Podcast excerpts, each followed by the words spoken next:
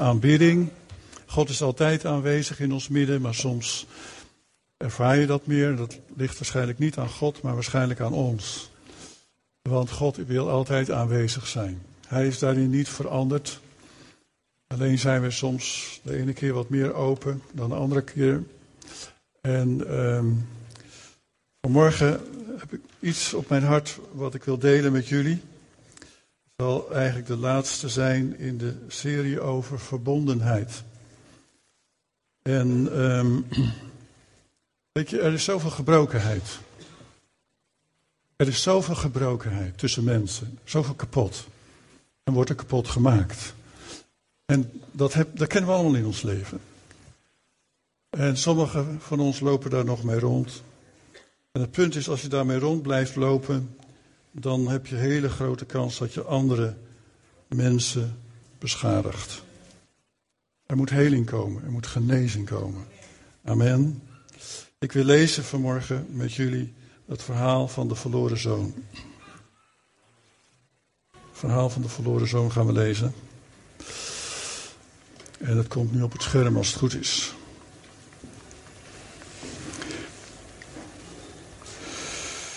Want in deze geschiedenis. En eigenlijk uh, vertelt de Heer Jezus hier over een vader met zijn twee zonen. Is uh, het begrip vergeving heel belangrijk. Vergeving.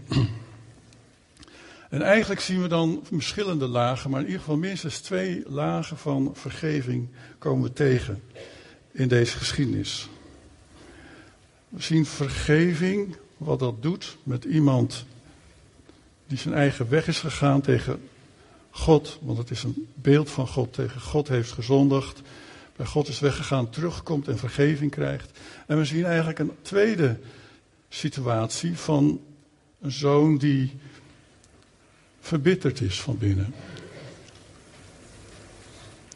Die eigenlijk onvergeeflijkheid in zijn hart bewaart. Wat een contrast. We gaan het samen lezen. Vervolgens zei hij: Iemand had twee zonen. En de jongste van hen zei tegen zijn vader: Vader, geef mij het deel van uw bezit waar ik recht op heb. En de vader verdeelde zijn vermogen onder hen.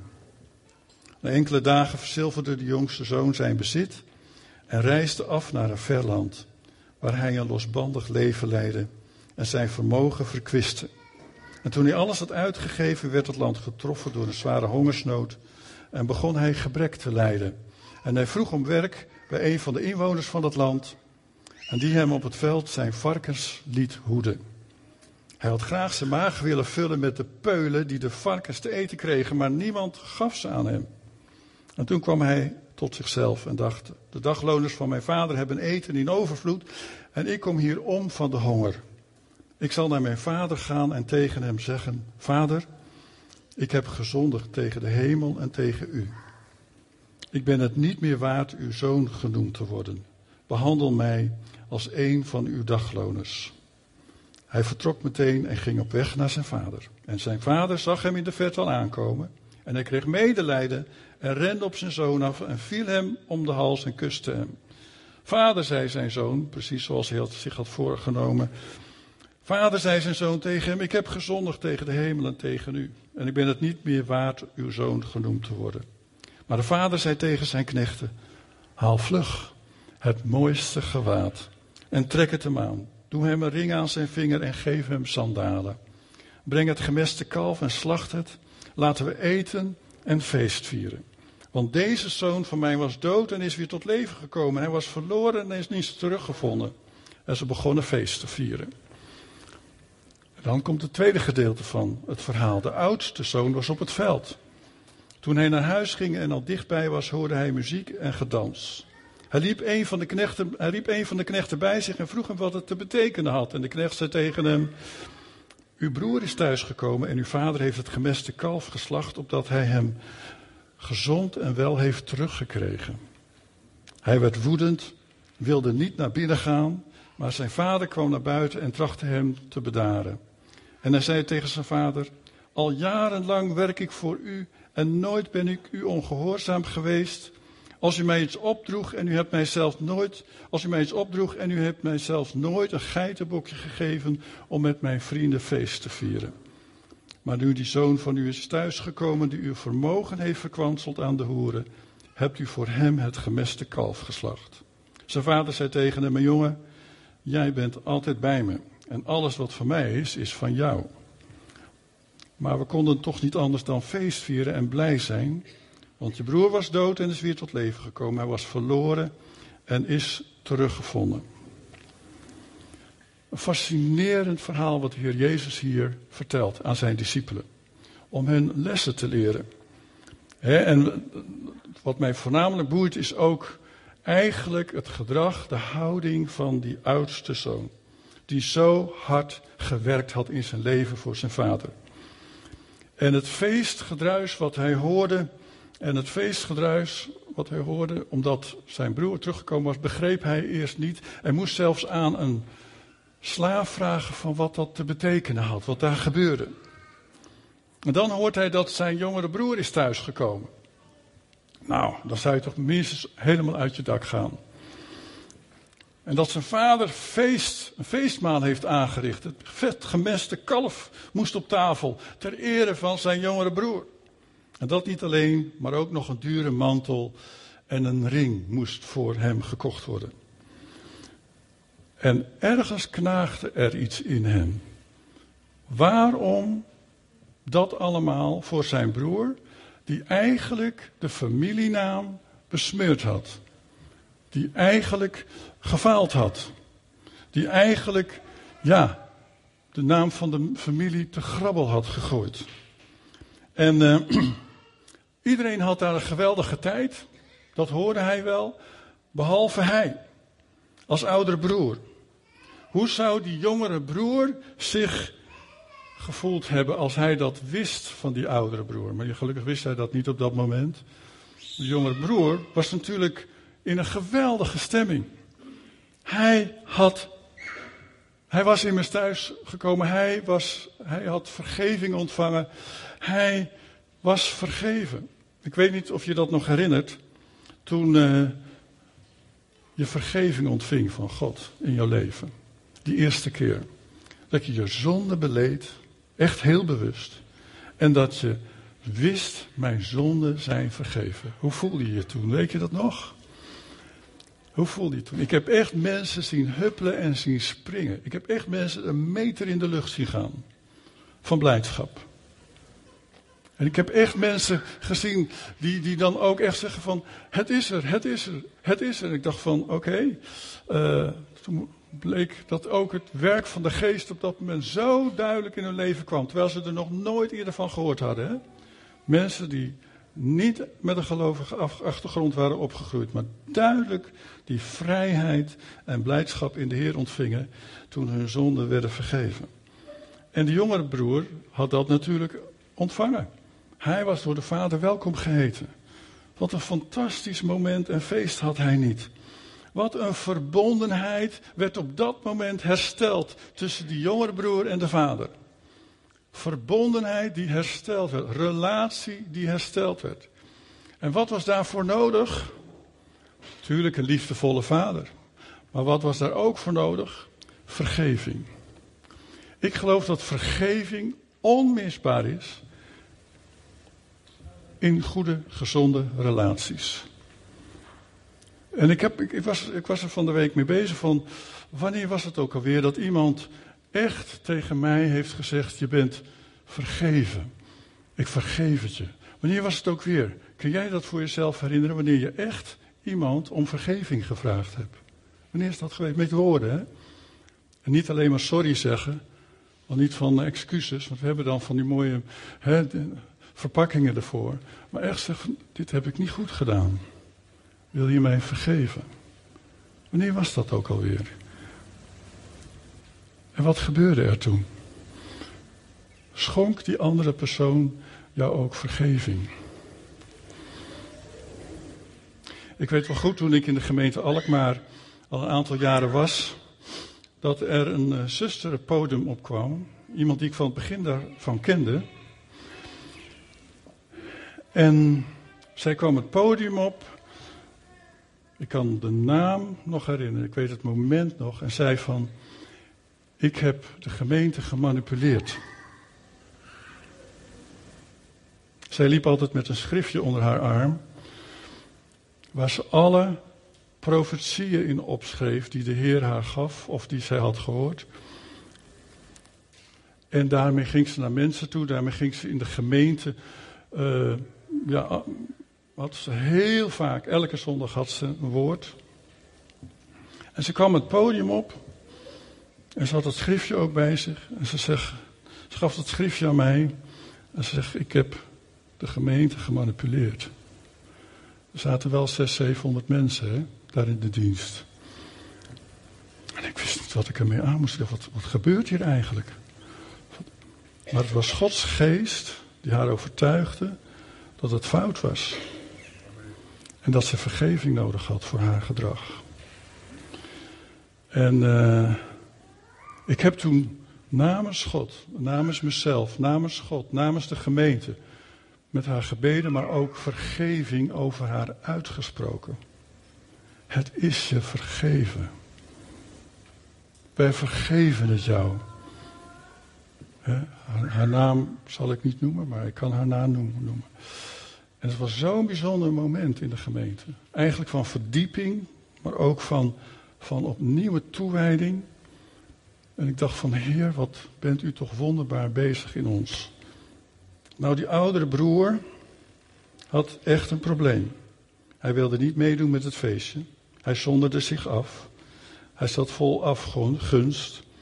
En um, de vader vraagt hem om mee te komen naar het feest. Doe mee, joh feest vieren. Maar hij weigert het. En ik kan het, het staat niet in het verhaal, maar ik kan me zo voorstellen dat dit al een hele voorgeschiedenis had in zijn leven. Dat er al meerdere dingen in zijn leven is gebeurd waardoor dit zo bij hem bleef hangen. Rancune, haat, wraakgevoelens, moppen, mok, mopperen, mokken, klagen. Een lijstje van onrecht verzamelen.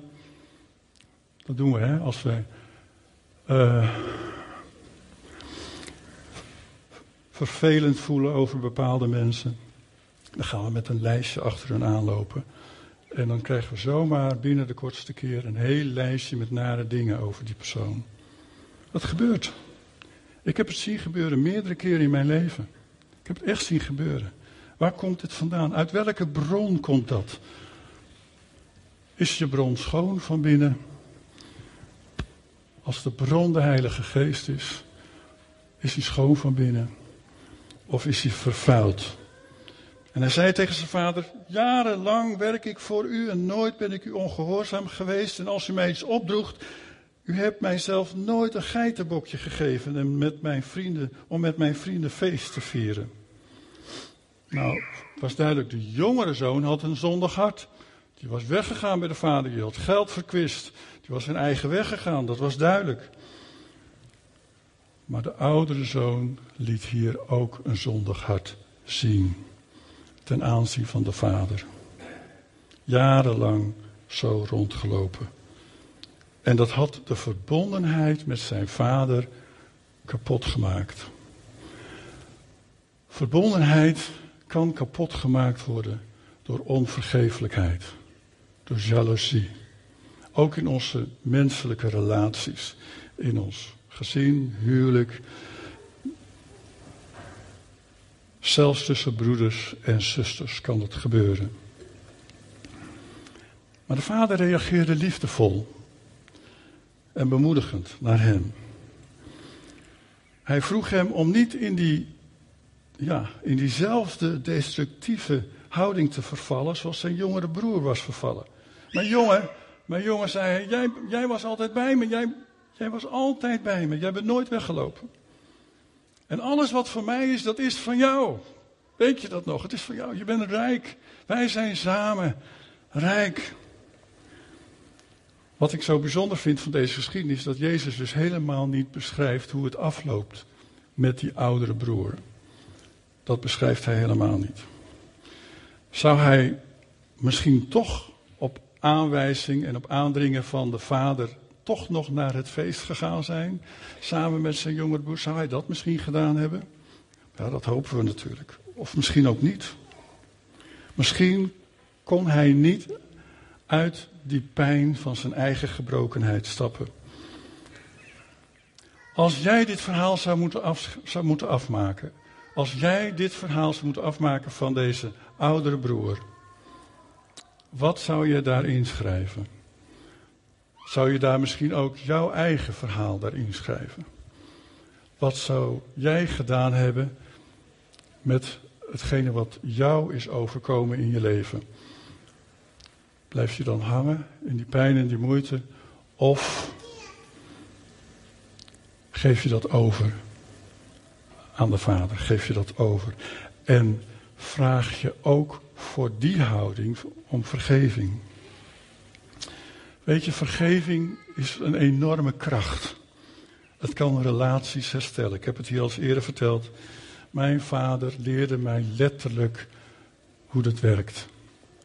als kleine jongen, als vader vroeg hij zijn eigen kind om vergeving voor iets wat hij niet goed had gedaan. En ik mocht samen met mijn vader op de knieën gaan en de Heer Jezus om vergeving vragen voor ons beider gedrag. Maar hij ging mij daarin voor. Hij leerde mij hoe dat werkte. En ik weet wel dat ik als kind tranen had, biggelde over mijn wangen. En ik daar geknield was en mijn vader dat gebed van vergeving hoorde bidden. Nadat hij dat mij eerst had gevraagd, ik als klein jochie. En toen kon ik ook dat gebed van vergeving bidden aan de Heer. En we hebben elkaar omhelst. En dat moment heb ik mijn leven nooit vergeten. Vergeving is zo'n geweldige kracht. Het kan relaties herstellen. Het verbreekt de zonde. Als je echt met je problemen, je zondeproblemen ook naar de Heer gaat en er echt om vergeving vraagt, dan verbreekt het de zonde. Als je om je falen naar andere mensen toe, naar die andere mensen toe gaat en om vergeving vraagt, op dat moment wordt het verbroken in de naam van Jezus. En is je relatie kan herstellen. Ja. Ik kan me nog herinneren toen ik eh, als kind me zondaar voelde en vergeving kreeg. En van die stem van de Heilige Geest in mijn hart voelde: Jij bent nu mijn kind en je bent vrij. Kan je dat herinneren? Wat, dat is het grootste wonder eigenlijk wat er in mijn leven gebeurde. Geen psycholoog kan eraan tippen. geen psychiater, geen medicijnen kan eraan tippen. Toen de Heer Jezus in mijn leven kwam en ik een kind van God werd. Genezing komt, wordt door uh, vergeving brengt genezing. Geestelijk, emotioneel, lichamelijk. Daartegenover zien we ook dat onvergeeflijkheid mensen ziek kan maken. Ik heb echt mensen in zware depressies gezien. En dat kan er allerlei oorzaken hebben, maar het kan ook een oorzaak zijn dat er onvergeeflijkheid is in hun hart. En dat kan de Heer laten zien, kan de Heilige Geest laten zien. Of dat er afgunst is, of rancune, of jaloersheid, of wrok. Wat je echt letterlijk ziek kan maken. Ik heb mensen gehad, nou dan begint het met een maagpijn, maagsfeer. Waar komt dat vandaan? Ja, waar ben je mee bezig? Wat speelt er in jouw leven eigenlijk? Heb jij werkelijk vergeving ontvangen en kun je ook werkelijk andere mensen vergeven die jou iets hebben aangedaan? Ik heb mensen echt, echt bevrijd zien worden van gebondenheid op het moment dat zij vergeving vroegen. Toen ze tot Jezus kwamen. Geestelijk, emotioneel, lichamelijk. Jacobus die zegt er heel duidelijk over: beleid of beken elkaar je zonde. En bid voor elkaar, dan zul je genezen. Blijkbaar speelt dat een rol. Niet, misschien niet altijd een rol, maar het speelt een rol. En we moeten ons daar bewust van zijn, want het gebed van de rechtvaardige is krachtig en het mist zijn uitwerking niet. Ik weet niet, of je, ik weet niet hoe het bij jou is, maar ik vind vergeving soms wel eens heel lastig. omdat je zegt het met je mond. Je blijft het met je mond, maar dan je hart en je gevoel. Die doet er nog een hele tijd langer over om echt die ruimte en die vernieuwing te hebben waarin dat ook weg is uit je leven. Vergeven is ook niet altijd vergeten. Hoeft ook niet altijd vergeten te worden, maar als het, de pijn er maar uit is, ja? Als je dat niet loslaat, de, de pijn, dan kan het opstapelen en het kan je gevangen houden. Zonder vergeving, zonder vergevingsgezindheid, zal uh, verbondenheid, zal een relatie niet sterker worden. Uh, je kunt aan Corrie vragen en je kunt ook aan mij vragen hoe vaak Corrie en ik in onze bijna 50 jaar dat we getrouwd zijn, elkaar om vergeving hebben moeten vragen. Dat is niet één keer geweest, ook niet twee keer. Dat zijn meerdere keren geweest. En op dat moment vernieuwde de relatie en werd hij sterker. Ja, werd hij sterker. Nou, vergeving is niet uh, een, het, het, zonder gedrag van een ander tolereren. Sommige mensen denken van, ach, vergeving dat is een soort dekmantel van liefde. En dan uh, dekken we daarmee gewoon dat zondige gedrag af en dan zien we het niet meer. Nee, dat is het niet. De vergeving is ook niet dat jij de schuld van een ander op je neemt. Zeg van nou, vergeven het, ik neem het wel over, dan ben jij er vanaf. Vergeving is ook niet de ander laten bloeden voor zijn fouten. Ik heb het wel eens meegemaakt in, in een gemeente ergens, waarin ze zeggen van ja, maar hij moet het wel voelen hoor. En als je het niet voelt, wat hij fout gedaan heeft, dan gaan wij het niet vergeven. Uh, hoe bedoel je? Is dat vergeven? Vergeven is ook niet zonder als iets heel onbelangrijks voorstellen. Van, ah, dat is niet erg, joh. Ah, dat is helemaal niet erg, joh. Nee. Maar wat is vergeving dan wel? Uitwissen. Daar moet je voorzichtig mee zijn tegenwoordig, want als je dus delete doet op je computer, dan kan het soms wel eens lijken alsof het gewist is. Maar een bepaalde techneuten kunnen het dan weer terughalen. Dat is dus bij God niet zo. Bij God, als het gedelete wordt, als er echt vergeving is, dan is het gewist. Weg voor eeuwig en voor altijd. Dus vergeving is wel degelijk in die zin uitwissen. Vergeving betekent ook schuld kwijt schelden. Een ander heel mooi woord daarvoor is iemand onschuldig. Ik hou jou niet meer voor schuldig. Dat is vergeven. Ik, ik scheld je die schuld kwijt. Vergeven is ook het recht opgeven om uh, de pijn nog langer, vol, nog langer vast te houden. Voor sommige mensen is de pijn altijd nog wat veiliger dan uh, ja, de vrijheid die misschien komt als ze vergeving ontvangen. Ik weet wel goed dat, uh, uh, wie was het van, van, van vroeger van uh, In de Ruimte, Herman de Welle. Wie kent Herman de Welle nog? Oh, er zijn er enkele die hem nog wel kent. Die zei, vergeven is een schone lei ontvangen.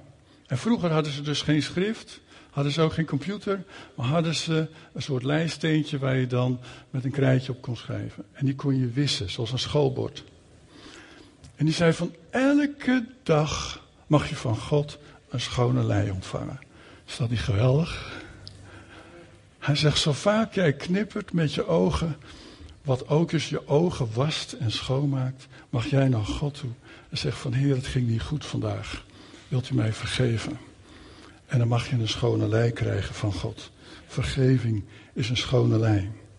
Is verzoening aanbieden. Los van hoe die andere erop reageert. Ik weet dat sommige mensen wel het moeilijk vinden van ja, ik wil wel vergeving vragen, maar die ander wil me geen vergeving schenken. Kennen jullie dat? Die situaties? Ik weet dat ik fout ben, ik wil vergeven, maar die ander, die reageert niet. Wat belangrijk is, is in de eerste plaats dat je vergeving vraagt van God. En in die positie in Jezus Christus ben jij dan vergeven. En ben jij dan vrij. Amen. Dat moet je goed vasthouden. Hè? Dus als je denkt van ja, maar daarom, ik weet niet of die andere me wel vergeving schenkt. Maar omgekeerd geldt dat natuurlijk ook zo.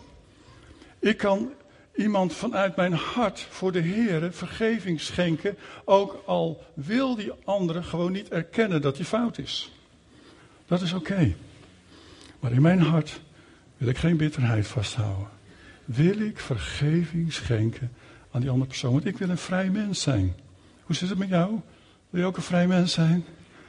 Vergeven is zo belangrijk. Het is een levensstijl. Zoals ook, ja, boos worden, dat kun je ook als een levensstijl zien, zoals de Bijbel dat zegt. Hè? Word boos, zegt Efeze 4. Efeze 4 maar eerst. Maar zondig niet. Laat de zon niet ondergaan over uw boosheid. Boos worden kan. God wordt zelfs boos in de Bijbel 127 keer. Alleen hij werd op een heilige manier boos. Dat kunnen wij niet misschien helemaal precies zo. Maar het is een levensstijl. Zorg dat de zon er niet over opgaat. Vergeving, hou bitterheid niet in je hart vast. Voordat de zon ondergaat, maak het in orde. Ga er niet mee slapen. We kennen die tekst wel uit Matthäus 18. van, dat gaat over hoe vaak, vraagt Petrus dan hè, aan de Heer Jezus, hoe vaak moet ik dan vergeven? Hoe vaak dan, Heer? En uh, Petrus kwam naar hem toe, vers 21, Matthäus 18, en zei: Heere, hoeveel keer zal, mijn, ik mijn broeder, of zal mijn broeder tegen mij zondigen en ik hem vergeven? Tot zevenmaal toe? En Jezus zei tegen hem: Ik zeg u niet tot zevenmaal, maar tot zeventigmaal zevenmaal. Zonder enige beperking. Dat zei de Jezus eigenlijk. Altijd. Zonder beperking. Wees vergeving gezind. En vergeving versterkt de relatie met God. Vernieuwt de relatie met God. En vergeving herstelt en vernieuwt de relatie ook hier op aarde tussen mensen. En dat kunnen ook relaties, het kunnen ook huwelijken zijn. Nou, je mag vergeving schenken. Het is een gave. Je schenkt elkaar vergeving. En de ander heeft het nodig. Van God, maar ook van ons. Onze kinderen hebben vergeving nodig. En ze, hebben, ze kunnen het alleen maar leren van ouders die hun daarin voorleven. Van hoe vergeving werkt. Maar ook onze echtgenoten hebben het echt wel nodig. Om te weten hoe vergeving werkt. Zelfs onze ouders. Toen mijn ouders heel oud waren en eigenlijk voor de hemelpoort stonden, mochten we nog met elkaar bidden. 96, mijn vader. En mijn vader zei: Heb ik het wel goed gedaan? Heb ik iets fout gedaan? Wil je me vergeven? Een vadertje van 96. En ik mocht samen met hem bidden. En ik heb gezegd: van, Ja, maar ik heb ook dingen die goed gedaan aan jou, pa. Wil je ook mij vergeven? Het zet zo vrij. Het maakt je zo'n blij kind van God. Maar misschien ook uh, onze werkgevers, dat wordt nog een beetje lastiger. Als er iets is geweest tussen werkgevers. Ik ken een gemeente in Rotterdam. Victory Outreach. Wie kent die gemeente in Rotterdam van Victory Outreach in Rotterdam? Victory Outreach uh, kreeg op een gegeven moment een gebruik van de gemeente Rotterdam van een, um, een soort wijkcentrum wat ze helemaal hebben vertimmerd. Voor 600.000 euro hebben ze dat toen vertimmerd. En, um, en toen bleek na twee, drie jaar dat plotseling de gemeente dat gebouw ging verkopen. En dat hadden ze helemaal niet verteld van tevoren in dat huurcontract. En dus 600.000 euro ging zo in rook op. En ik weet wel goed dat Jerry Mendelssohn was zo boos in het begin in zijn hart. Hij was zo boos. Hij, hij, was al naar advocaten gegaan om een rechtszaak te beginnen tegen de gemeente Rotterdam. Hij was zo boos. En hij dacht, van, die gaan we winnen ook. Want dit hadden ze van tevoren moeten zeggen. En op nacht sprak de Heer tot hem. En de Heer zei van nee, Dat is niet mijn weg. Je moet ze vergeven. En hij begon een brief te schrijven. Ik geloof één of twee kantjes lang. Een brief aan de gemeente Rotterdam. Burgemeester en wethouder. En hij legde uit hoeveel, hoeveel dit hun pijn had gedaan. En wat, wat hun dit deed als gemeente. En, en, en, um, maar hij legde toen ook uit dat God tot zijn hart had gesproken om het de gemeente te vergeven. Deze brief is voorgelezen in de gemeenteraad. En nadat hij voorgelezen was, was het doodstil in de gemeenteraad Rotterdam. Die 600.000 euro hebben ze niet teruggekregen, die waren ze kwijt. Dat is wat. Als je het hebt over vergeven, kun je dan wel zo ver gaan. Maar God had dat echt in zijn hart gelegd. En um, zij hebben nu een prachtig nieuw, of nieuw, maar een prachtig kerkgebouw. Heel groot. Ik ben bij de opening geweest toen het geopend werd in, uh, in Rotterdam-Zuid, bij het Zuidplein. En uh, schitterend mooi. Met een enorm kruis aan de wand. En uh, een geweldige bediening, voornamelijk onder de mensen uit de Cariben. En voornamelijk onder drugs, traffickers en drugsgebruikers. Zoals jullie weten zijn Jerry en Xanelu, uh, de voorgangers echtpaar, zijn ook ex-drugstraffickers geweest. Hij was een drugsmokkelaar of handelaar en zij zat in de gevangenis in Engeland toen ze tot bekering kwamen. En toen zijn ze later voorgangers geworden van deze gemeente. Prachtige gemeente in Rotterdam-Zuid. Maar als je het hebt over vergeving, hè, wow, zou, zouden wij dat kunnen? Zou ik het kunnen? als, ja, als iemand zoiets gedaan heeft aan mij en, en, en de Heer tot mij begint te spreken, kan ik dat dan? Kan ik het tegenover mijn, baas, degene die boven me staat? Kan ik het met onze vrienden doen? Kan ik dit ook tegenover onze buren doen, die iets uithalen? En dan kunnen wij dan ook vergeven. En misschien juist daarin de geestelijke wet, de geestelijke lessen die erachter zit, ook met hen delen. Er is zo'n geweldige kracht in vergeving. En wij zijn allemaal mensen die falen en die fouten maken. We hebben het allemaal nodig. Psalm 32, ik heb het net gelezen. Wil ik eigenlijk nog een keer lezen. Kan dat nog een keer. Uh, dan gaan we dat nog een keer lezen, Ger. Psalm 32. Lees maar mee in stilte. Gelukkig de mens van wie de ontrouw wordt vergeven. Van wie de zonden worden bedekt. En we weten dat Jezus voor ons aan het kruis is gestorven. Om al onze zonden, al onze zonden te bedekken. Met zijn dierbaar bloed. Gelukkig als de Heer zijn schuld niet telt. Als in zijn geest geen spoor van bedrog is. Zolang ik zweeg, teerde mijn botten weg. Kreunend leed ik de hele dag. Zwaar drukt uw hand op mij dag en nacht. Mijn kracht smolt weg als in de zomerhitte. En toen bekleed ik u, toen beleed ik u al mijn zonden. Daar begint het dan bij, hè? Zonden, fouten, beleiden bij de Heer. Ik dekte mijn schuld niet meer toe. Ik bracht het in het licht. En ik zei, ik beken de Heer mijn ontrouw. En u vergaf mij mijn zonde, mijn schuld. Laten uw getrouwen dus tot u bidden als zij in zichzelf een zonde vinden. Storm dan een vloed van water aan, die zal hij niet bereiken. Bij u ben ik veilig. U behoedt mij in de nood en omringt mij met het gejuich van bevrijding. Ik geef inzicht en wijsheid de weg die je moet gaan. Ik geef raad, zegt de Heer, op jou rust mijn oog. Wees niet redeloos als paarden of ezels die met bit en toom worden bedwongen, dan zal geen kwaad je treffen. Een slecht mens heeft veel leed te verduren, maar wie op de Heer vertrouwt, wordt met liefde omringd. Verheugen in de Heer rechtvaardigen en juich. Zing het uit. Allen die oprecht zijn van hart. Ik denk dat het goed is om vanmorgen het onderwerp vergeving echt voor onze ogen te stellen. Zeg van Heer, is er iets in mijn hart? Is er iets in mijn denken wat niet goed is? Wat, uh, ja, wat vergeving nodig heeft, dan wil ik tot u komen. Want ik wil niet dat de bron in mij van de Heilige Geest, dat die vervuild zal worden. Want dat komt eruit. Dat komt eruit. Dat kan ik niet verbergen. Ik wil een schone bron zijn. En als er iets is tussen jou en jouw partner, of iets tussen jou en een andere broeder of zuster in de gemeente, of hij zegt dat moet ik opruimen. Doe dat. Misschien is er iets wat jou zo ja, belast dat je er echt onder gebukt gaat. Misschien ben je depressief.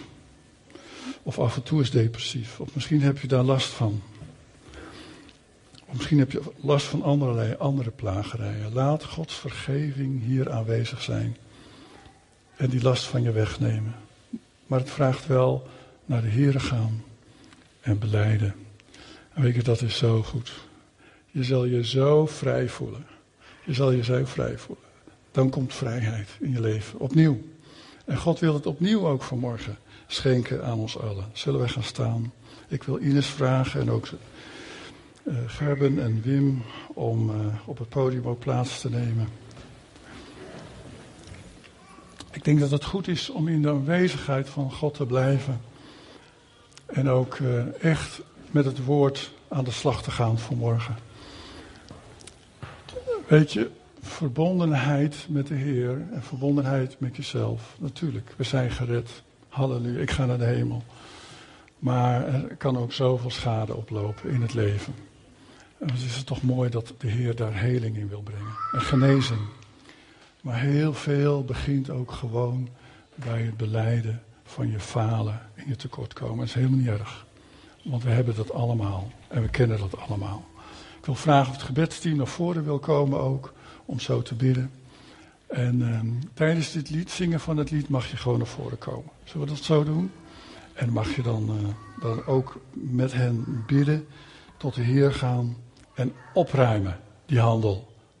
Opruimen die handel. Amen. Oh, halleluja. Prijs God. Dankjewel Willem. En misschien zijn er ook anderen die mee willen bidden. Er zijn ook enkele met vakantie, zoals Sadi en Hans. Maar misschien kunnen anderen ook meebidden. We gaan een fijn, een fijn. Amen.